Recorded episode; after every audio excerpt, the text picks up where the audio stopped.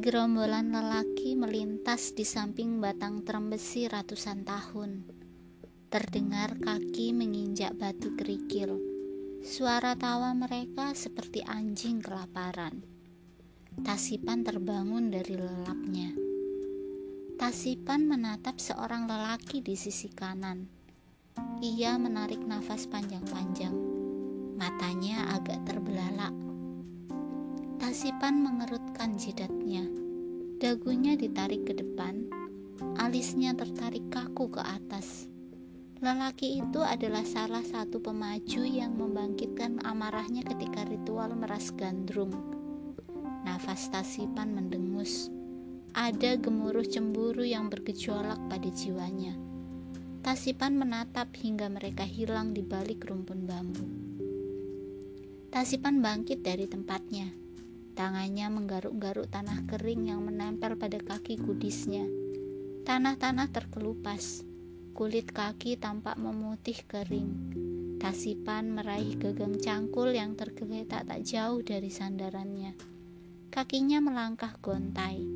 Mungkin karena beban cangkul. Tidak, bukan itu. Ujar suara lirihnya.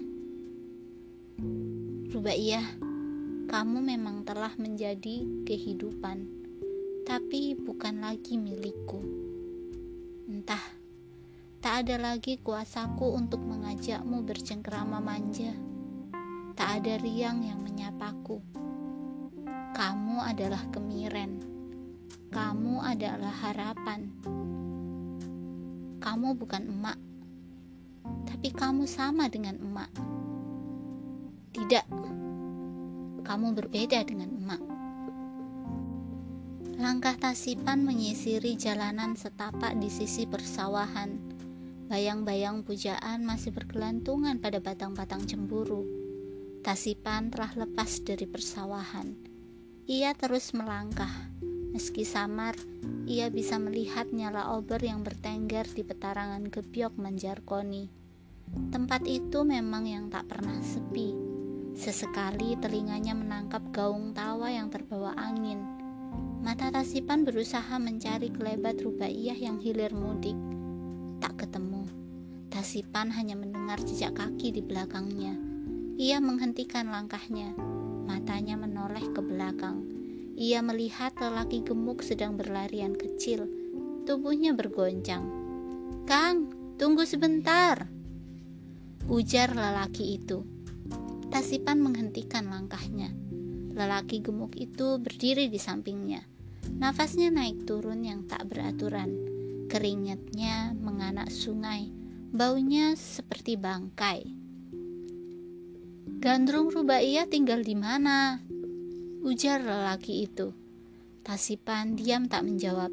Ia menatap kuat-kuat wajah hitam kemerah-merahan itu. Matanya sayu. Aroma tua merebak bersama hembusan nafasnya. Wajah Tasipan bergurat sinis. Perasaan cemburu kembali menari dalam benaknya. Begitulah jiwanya selalu gundah dengan tingkah para lelaki yang hilir mudik mencarinya. Tasipan menatap Samar Cakrawala. Rubaiyah harusnya engkau berwujudan madu yang hanya untukku.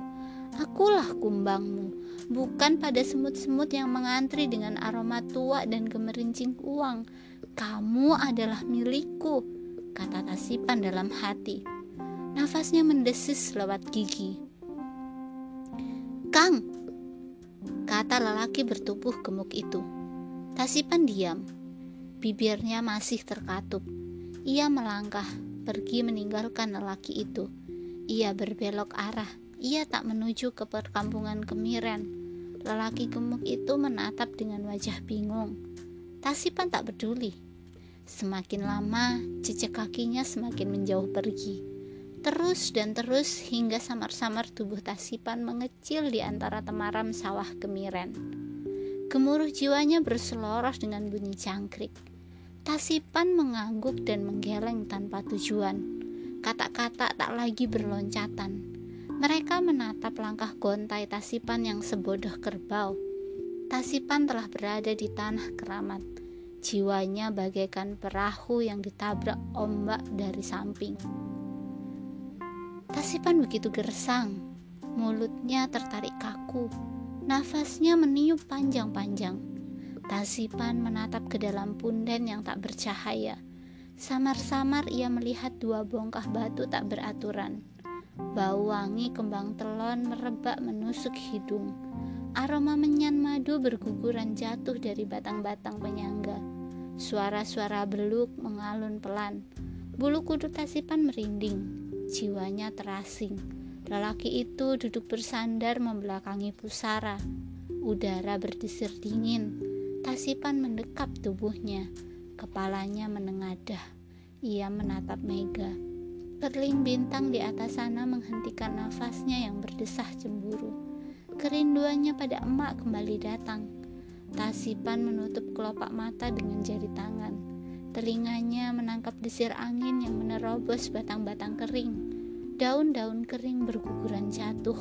Beberapa di antaranya membelai rambutnya yang kumuh Sorak-sorai jenggeret bertalu-talu bersaing dengan gemuruh jangkrik. Sesekali, desis kadal menabrak kakinya yang lesu. Tasipan masih menutup wajahnya. Di kejauhan sana terdengar beberapa langkah kaki yang berseok-seok. Semakin lama, semakin jelas. Tasipan membuka matanya. Ia menatap sekeliling. Sesekali ia terbentur oleh batang-batang tumbuhan perdu yang memantulkan cahaya bulan. Warnanya coklat keputihan. Mata Tasipan mengerlip-ngerlip. Ia terus memperhatikan sekelilingnya. Berhasil. Di balik pohon bendo ia melihat kerumunan orang. Tasipan merayap mendekat ke arah rumpun bambu. Tasipan melihat seorang lelaki paruh baya duduk bersimbah darah Lelaki itu mengerang menahan sakit. Tiga orang berbadan tegap tertawa kecil. Ini akibatnya jika tidak mau mengawinkan anakmu dengan juraganku. Bentak lelaki berbaju coklat. Lelaki bertubuh kekar itu mengayunkan kakinya yang bersepatu tebal. Bluk! Tubuh lelaki itu tersungkur. Wajahnya terjembrembab, mencium tanah. Suaranya memekik menahan sakit. Tubuhnya bergerak-gerak pelan. Tubuh Tasipan bergetar. Ia takut melihat keadaan itu. Suara-suara bentakan mereka membuat Tasipan tiarap. Mukanya disembunyikan ke tanah. Nafasnya tersenggal-senggal. Tasipan kembali mengintip dari sela-sela daun kering. Ia melihat rambut lelaki itu dijambak hingga ia kembali terduduk tubuhnya bergoyang-goyang gontai. Tak bedil saja, komandan, kata prajurit. Mukanya memerah, giginya menggeriut, tangannya meraih bedil yang tersanggul pada pundaknya kiri. Bunyi kokang bedil terdengar menggetarkan senyap. Krak-krak. Tasipan menatap tegang. Desir angin menyapu tengkuk seperti hendak memeluk rapat-rapat. Tanpa sadar, ia meraih batang kering sebesar pergelangan tangan. Ia meremas begitu kuat. Bedil saja bedil kepalanya, biar langsung mampus, ujar prajurit yang satunya. Mukanya bergetar, tangannya menghunus pisau yang terselip di pinggang. Bedil laras panjang mengarah pada lelaki yang menangis sesungguhkan. Berisik, segera habisi saja, Ujar prajurit itu membabi buta. Jari telunjuknya masuk ke dalam rongga pematik betil. Namun belum sempat jari telunjuk itu menempel, tiba-tiba Tasipan bangkit dari tempatnya. Prajurit pemegang bedil melihat bayang-bayang yang berkelebat cepat.